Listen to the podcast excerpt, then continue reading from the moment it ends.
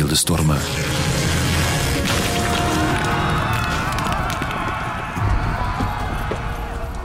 Welkom in deze vierde aflevering van Beeldenstormen. Sommige geschiedenissen zijn ons meer vertrouwd dan andere. Zo is voor mij de geschiedenis en cultuur van het Byzantijnse Rijk tamelijk vreemd. Veel verder dan enkele weetjes van op de schoolbanken geraak ik niet. Onder invloed van de orthodoxe kerk ziet de Byzantijnse kunst er ook helemaal anders uit dan de kunst uit het Westen. En die kunst interesseert me hier natuurlijk, want ook in het Byzantijnse Rijk lag de kunst op een bepaald moment heel erg onder vuur. En daarom gaat deze aflevering dan ook over de Byzantijnse beeldenstorm.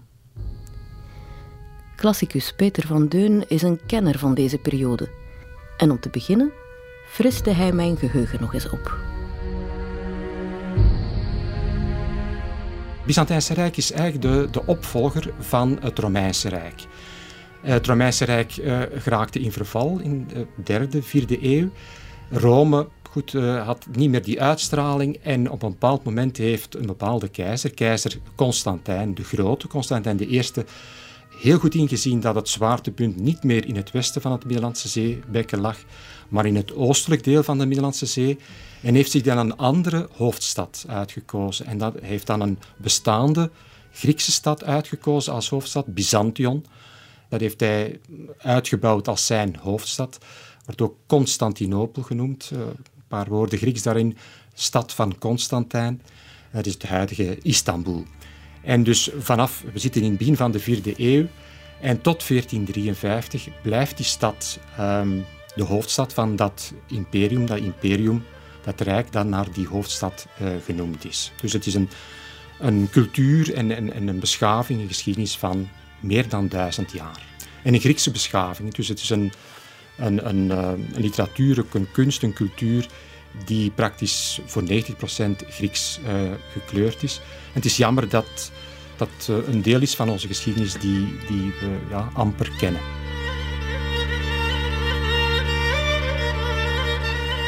Ik wil hier alvast een klein beetje die geschiedenis ontdekken.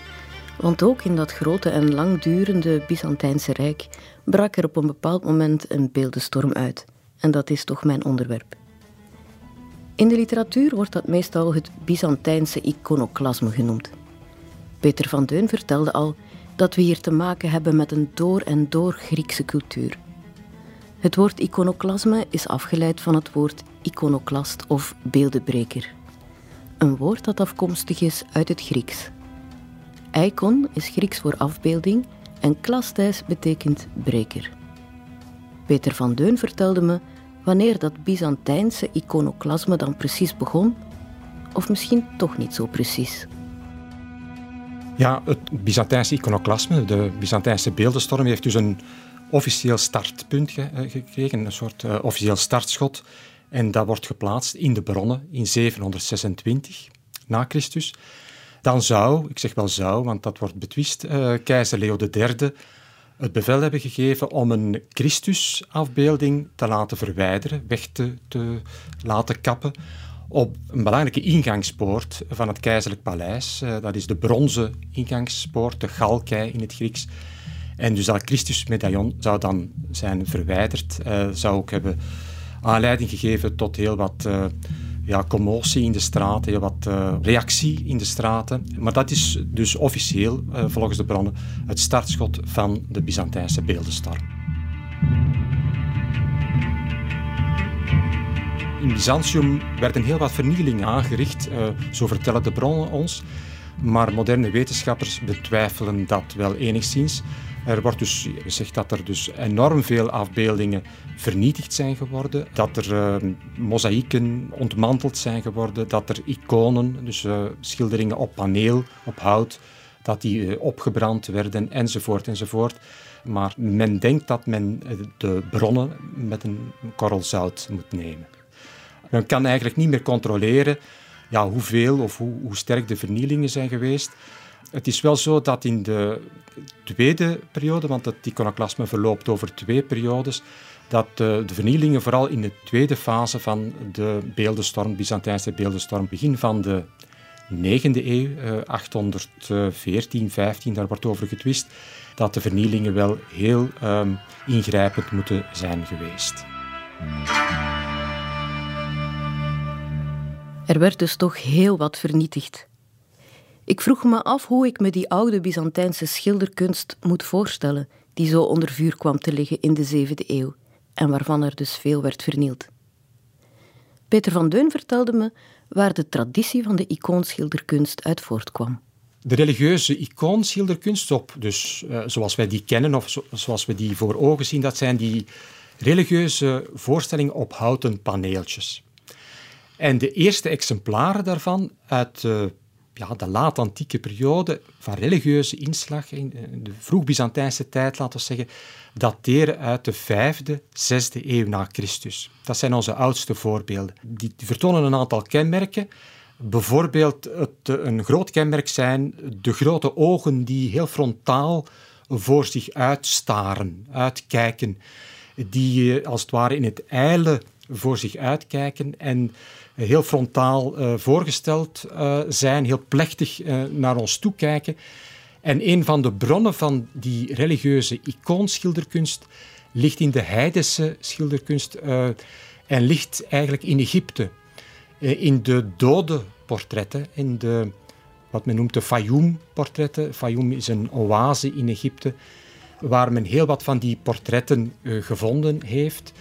Uh, goed, men heeft dus de doden en men gaat die mummificeren en men brengt dan op het gelaat uh, van de dode elke keer een voorstelling van de betrokkenen, van de persoon in kwestie aan op een houten paneeltje. En dat noemt men een Fayoum-portret, een mummieportret. En zo hebben we ja, honderden prachtige voorbeelden die tot ons zijn gekomen, die dan opgedolven zijn, prachtig bewaard door het zand, door de omstandigheden uh, in Egypte. En dan uh, ja, verspreid zijn over musea over heel de wereld. Bijvoorbeeld het British Museum in, in, Londen heeft daar een prachtige collectie van. En het zijn die ja, heidense, want dat zijn heidense portretten, die heel duidelijk aan de wieg staan van die religieuze iconen die we dan zien opduiken in de 5e, 6e eeuw na Christus. Terug naar de 7e eeuw. Onder keizer Leo III zou het Byzantijns iconoclasme zijn begonnen. Maar zijn zoon zou een nog veel grotere iconoclast zijn geweest, volgens Peter van Deun. Leo III is dus de eerste iconoclastische keizer, eerste beeldenstormer die we kennen. Maar misschien nog beruchter is zijn zoon eh, Constantijn V geweest, die heel wat vernielingen heeft aangebracht, die enorm reageerde ook tegen de macht eh, van de kloosters, eh, tegen de macht van de monniken. De monniken zijn de partij die vooral voor de beeldenverering uh, opkwamen en hij gaat daar enorm tegen reageren. Hij wordt heel zwart afgeschilderd in de Byzantijnse bronnen. De Byzantijnse bronnen zijn erg gekleurd. Alle bronnen die wij vandaag nog bezitten zijn iconodulische bronnen. Dat is een heel moeilijk woord, om, dat zijn de bronnen die aan de kant staan van de beeldenvereerders. En dus praktisch alle bronnen die we nu nog hebben, zijn te situeren uh, langs die zijde. En schilderen dus de beeldenstormers, die keizers die dat initiatief hebben genomen, heel zwart uh, af. En worden dus be beladen met alle zonden van de wereld. En zo is dat ook het geval met, met keizer Constantijn V die uh, ja, een heel belangrijk keizer is geweest voor, als militair. Geniaal uh, generaal, geniaal strateeg, heeft het rijk gered van het uh, gevaar van de, de Arabieren op dat moment, maar wordt heel zwart afgeschilderd in de bronnen. Hij draagt heel wat bijnamen, heel, dat zijn heel mooie verhalen. Hij wordt bijvoorbeeld, in het, is een Griekse term die ik even noem, uh, Kopronimos genoemd.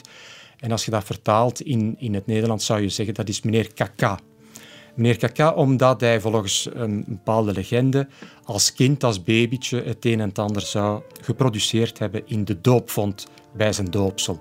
En dat zijn, ja, zijn ja, kleine verhaaltjes, kleine anekdotes om aan te geven dat ja, die keizer echt wel heel uh, slecht werd beoordeeld in de bronnen die we nu nog uh, vandaag hebben.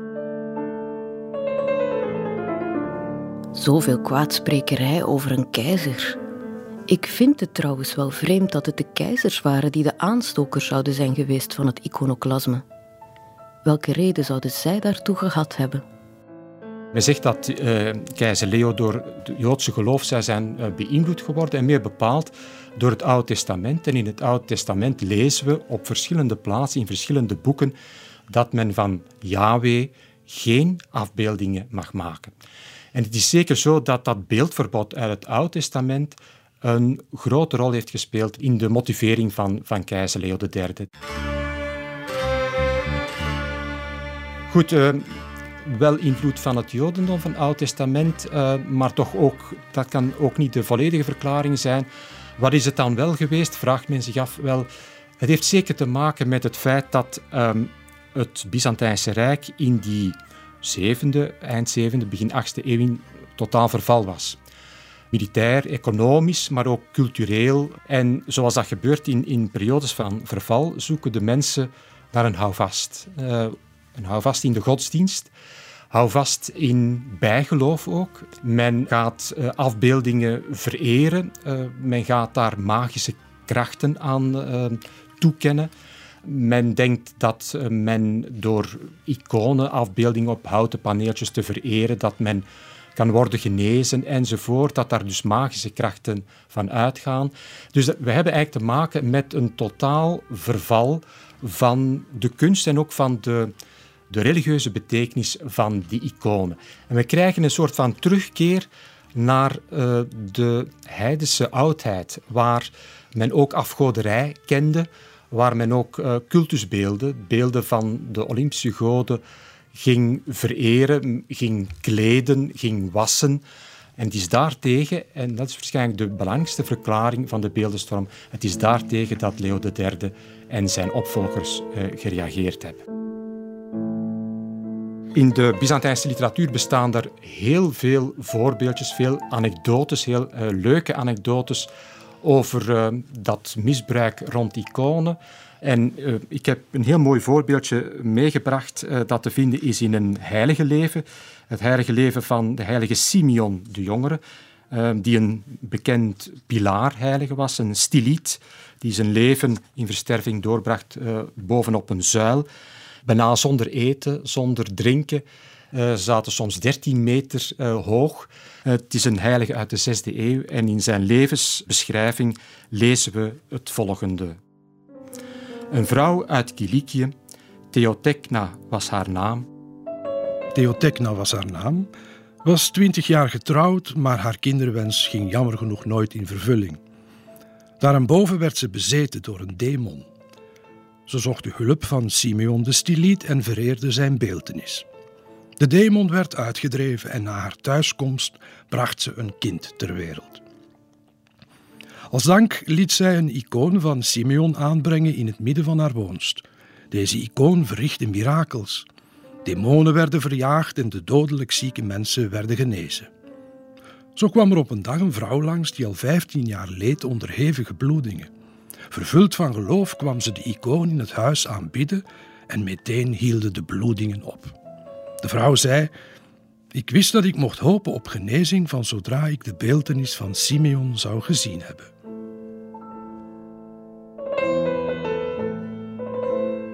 De iconen van Joris van Aal zullen zulke mirakels niet kunnen verrichten, vermoed ik. Hij is een iconenschilder uit Gent. Geen amateur, maar een echte meester in de icoonschilderkunst ook al is hij altijd katholiek gebleven. Een katholiek met een weliswaar groot hart voor de orthodoxe liturgie en voor de icoonkunst natuurlijk. Hij vertelde me dat hij wel begrijpt waarom het beeld zo problematisch is in een religieuze context. In het Westen heb je dus een voortdurende, niet alleen in het Westen, maar met het beeld court, het beeld dat iets van het geloof wil uitdrukken, is er altijd strijd geweest. Ook in, het, ook in de islam, ook in het jodendom. Het beeld is problematisch. Hm? Dat heeft te maken met de moeite die een mens van nature heeft om het hoge, het onzichtbare, het onkenbare, het goddelijke te verbinden met het aardse. Dus een, een zekere huiver en een zekere twijfel of het aardse wel iets kan meedelen van het hemelse. En of het hemelse niet onrecht aandoet door er beelden van te maken of door, of door ze, uh, ja, uh, het uit te drukken in beeldige vorm. Zie je? Dus dat, dat spanningsveld.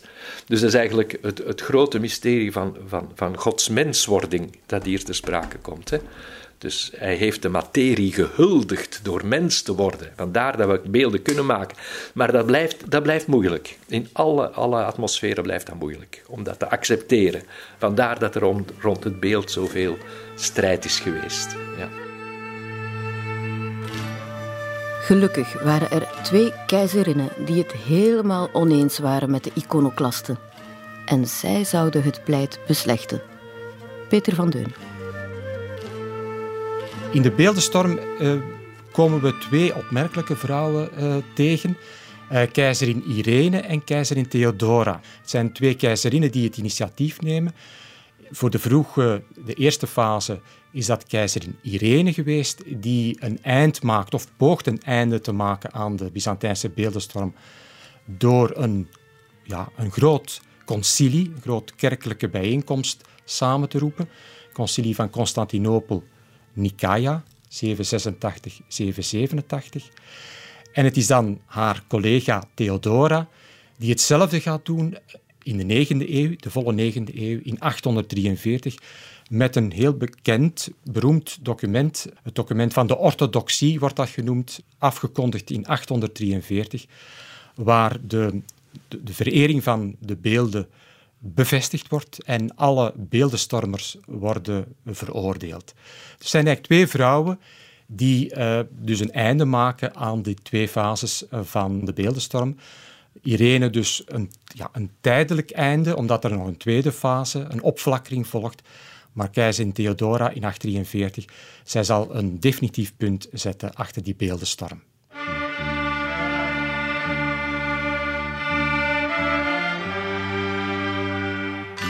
Dankzij Irene en Theodora zijn er vandaag dus nog steeds icoonschilders. Joris van Aal staat in die lange traditie. Ik mocht zijn atelier bezoeken in Gent en er een blik werpen op de keuken van een iconenschilder. In een kunstenaarsatelier heb ik altijd het gevoel dat ik me in un petit coin du paradis bevind. En ook bij Joris van Aal had ik dat gevoel. Dus uh, ja, dit is hier mijn werktafel. U ziet hier verschillende dingen zitten. Hè? Dus uh, het materiaal voor iconen te maken is niet zo complex. Ten eerste, dat is een plank. Hè?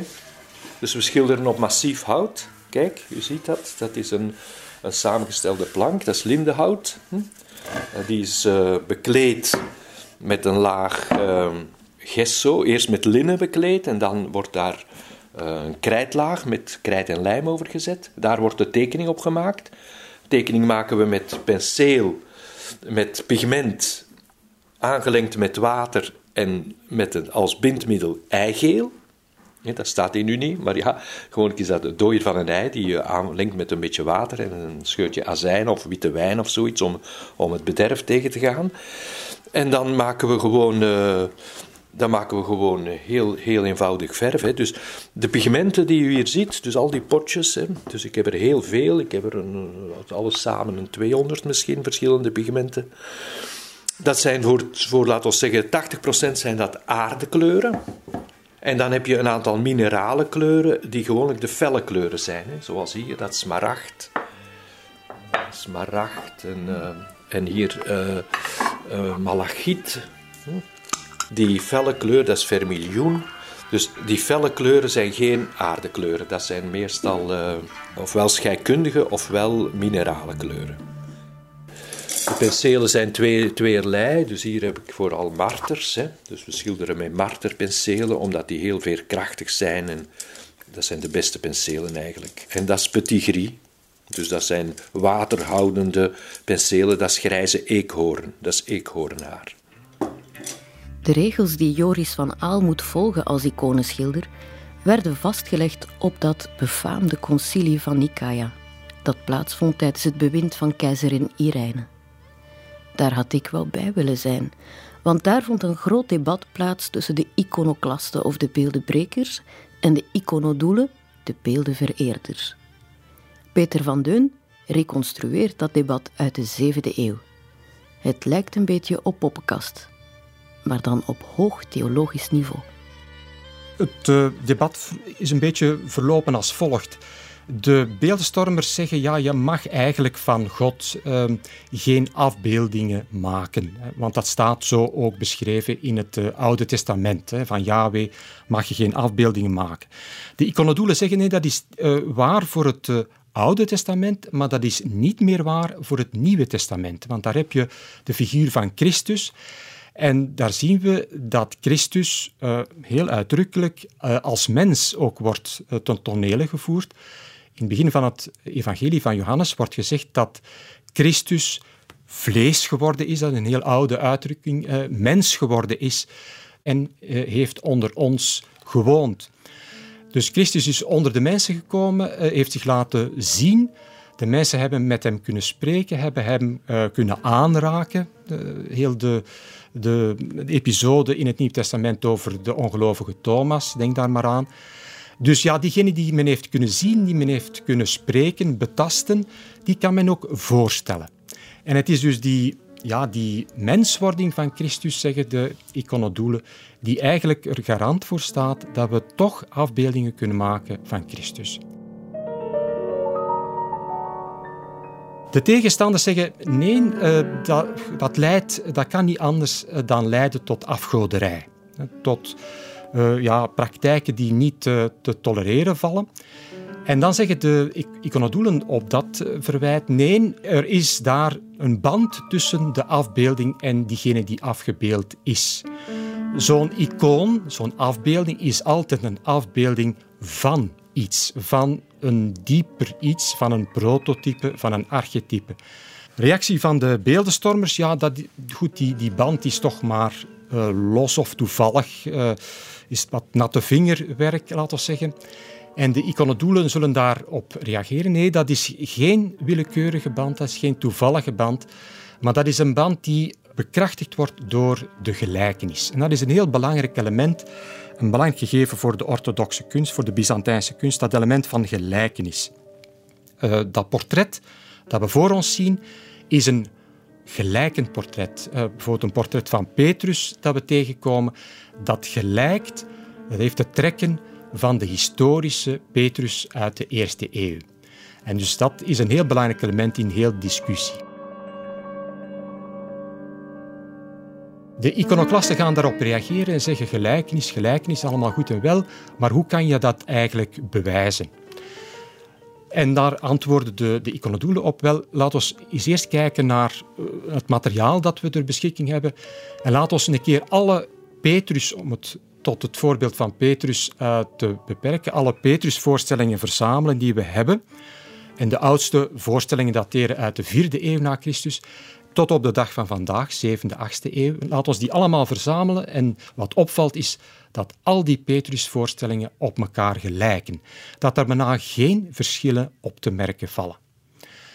Goed, de iconoclasten zeggen ja, dat is wel waar, maar we zijn toch niet helemaal overtuigd, want eigenlijk verleg je het probleem. Want je hebt net gezegd, um, zeggen zij, um, in je oudste voorbeelden dateren uit de vierde eeuw. Wat garandeert me, wat garandeert ons dat die oudste voorstelling uit de vierde eeuw echt wel authentieke, gelijkende portretten zijn van de historische Petrus uit de eerste eeuw na Christus? Daar gaan dan de, de beeldenvereerders op antwoorden met een, een argument dat een analogisch argument wordt genoemd, de analogie. Uh, dat wordt dan ingebracht in die discussie. En men zegt, de zorg waarmee al de kunstenaars van de vierde tot de 8e eeuw, laten we zeggen, Petrus hebben afgebeeld steeds op dezelfde manier, staat er eigenlijk garant voor dat ze dat ook hebben gedaan voor de periode ervoor, eerste tot de vierde eeuw. Nu, de iconoclasten zijn nog niet helemaal overtuigd en, en, en willen de strijd niet opgeven. En dan komt het ultieme argument en zeggen, of vragen de iconodoelen Geloven jullie in de echtheid, de authenticiteit van de evangelies, de vier evangelies, Matthäus, Lucas, Marcus en Johannes? De beeldenstormers kunnen niet anders zeggen dan ja, we, we geloven in de echtheid van die evangelies, want anders zouden ze zichzelf geen christenen mogen noemen. Wel, zeggen de iconodoelen, dan hebben we u te pakken, eh, dan hebben we u vastgezet in, in, in de discussie, want Ook voor de evangelies, als we kijken naar de handschriften die we hebben, de oudste exemplaren dateren ook uit de vierde eeuw na Christus. En we zien ook hier, parallel met wat we bij de afbeeldingen zien, dat we bij de teksten zien van de vierde tot de achtste eeuw, die evangelieteksten, die gelijken allemaal op elkaar. Die verschillen eigenlijk bijna niet van elkaar op een paar details na. Onze oudste exemplaren dateren uit de, de vierde eeuw na Christus, dat is waar. Maar de zorg waarmee kopiisten van de vierde tot de achtste eeuw de Heilige Schrift hebben overgeschreven, keer na keer, eeuw na eeuw, staat er op analoge manier uh, garant voor dat dat ook gebeurd is voor de, van de eerste tot de vierde eeuw. Dus dat parallelisme tussen beeldafbeelding en de Heilige Schrift wordt hier ingebracht in de discussies. En dan wordt uh, in de teksten gezegd dat de iconoclasten moeten afdruipen en zich moeten gewonnen geven. Dat de grote kerkelijke uh, concilie op het einde van de 8e eeuw is enorm belangrijk geweest. Hij heeft dus de beeldentheologie vastgelegd en heeft, is enorm belangrijk geweest voor de Byzantijnse kunst. Daar is eigenlijk vastgelegd hoe men figuren als Maria, als Christus en heel het arsenaal van heiligen moest voorstellen. Daar is heel duidelijk vastgelegd dat men moest streven naar het afbeelden van een door de traditie aangeboden gelijkend portret. Dus de kunstenaars wordt bevolen om al die ja, christelijke personages te blijven afbeelden zoals hen dat geleerd is uit het verleden door de traditie. Dus elke keer opnieuw moeten zij diezelfde personages met dezelfde gelaatstrekken afbeelden, met dezelfde attributen in de handen, met dezelfde uh, kleur van klederen enzovoort. Dat zijn allemaal uh, regels die worden vastgelegd. En dat is het geval voor kunstenaars uit de 9e, 10e eeuw na Christus. En dat is nog altijd het geval voor bijvoorbeeld iconenschilders die nu werkzaam zijn, bijvoorbeeld in, in kloosters in Roemenië of, of uh, op, het, uh, op de Athosberg in Griekenland enzovoort. Dus dat leeft tot op de dag van vandaag door.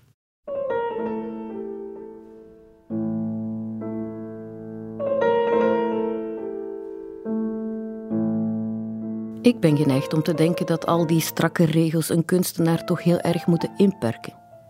Maar Joris van Aal, de iconenschilder die ik opzocht in zijn atelier in Gent, die betwist dat. Ten eerste, een icoon staat in een traditie. Hè. Een icoon is nooit eigenzinnig. Maar een icoon is ook creatief en is ook kunst, kunstzinnig. En een icoon brengt iets in beeld wat, wat, wat het hart is van ons christelijk geloof. Op een mysterieuze manier brengt ze dat in beeld. En dat is heel moeilijk uit te leggen waarin me dat juist zit. Een van de, van de kerngedachten, denk ik, is dat een icoon altijd een, een paasbeeld moet zijn. Dat wil zeggen, ze, het is een, een, een, een beeld dat werkt met paradoxen. Om u, om u kort iets te zeggen, een goede icoon heeft een heel eenvoudige vorm. Dus als je de contourlijn van een figuur op een icoon ziet, dat is nooit pathetisch, dat zijn nooit extreme gebaren, dat is altijd heel verzameld, heel compact. Hè? Verstild zou je kunnen zeggen, een uiterst verstilde vorm. En toch zit, uh, wordt er tegelijkertijd door de oplichting en het ritme dat men aan, aan, aan de, het plooienspel in de gewaden geeft enzovoort, en de stand van de houdingen enzovoort, geeft men daar een dynamiek aan die eigenlijk heel sterk contrasteert met die verstilling. Een, een andere paradox is bijvoorbeeld het gelaat, de gelaatsuitdrukking, die gewoonlijk heel uh, verstild is, en anderzijds de kleur, die, daar, die daarmee contrasteert, want de kleuren zijn, zijn, zijn feestelijk. Zie je, het gelaat is stil ingetogen, soms iets droef. En, en dat contrasteert dan heel sterk met, met een, een heel verfijnd kleurenspel, eh, dat heel levendig kan zijn. En, en die, die, die, die, die antinomieën, daar zit een icoon vol van. En dat wijst naar, sterven en verrijzen. Dat wijst naar uh, een weg naar beneden die we moeten gaan, maar die ons tegelijkertijd verheft. Zie je? Dus dat paaskarakter van een icoon is heel belangrijk. En dan moet je natuurlijk een stukje van binnenuit verstaan om dat te kunnen weergeven. En, en dat, dat boeide mij veel meer dan. Ik heb nooit zo echt behoefte gehad om mijn persoonlijke religieuze gevoelens. Wat in het Westen dus sterk, veel sterker aanwezig is. Hè. Ja.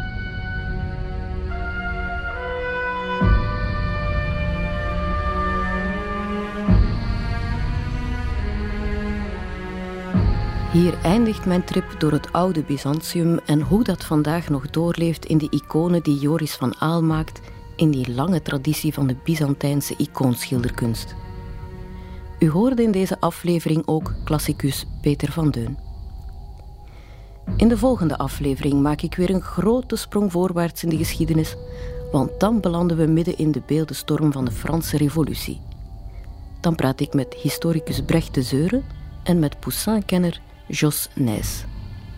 En wat de Franse schilder Nicolas Poussin met de Franse Revolutie te maken heeft, dat komt u dan te weten. U luisterde naar Beeldenstormen, een productie van Clara. U kan alle afleveringen herbeluisteren via clara.be of u kan zich abonneren op de podcast. Uw vragen of reacties mag u e-mailen naar beeldenstormen.clara.be.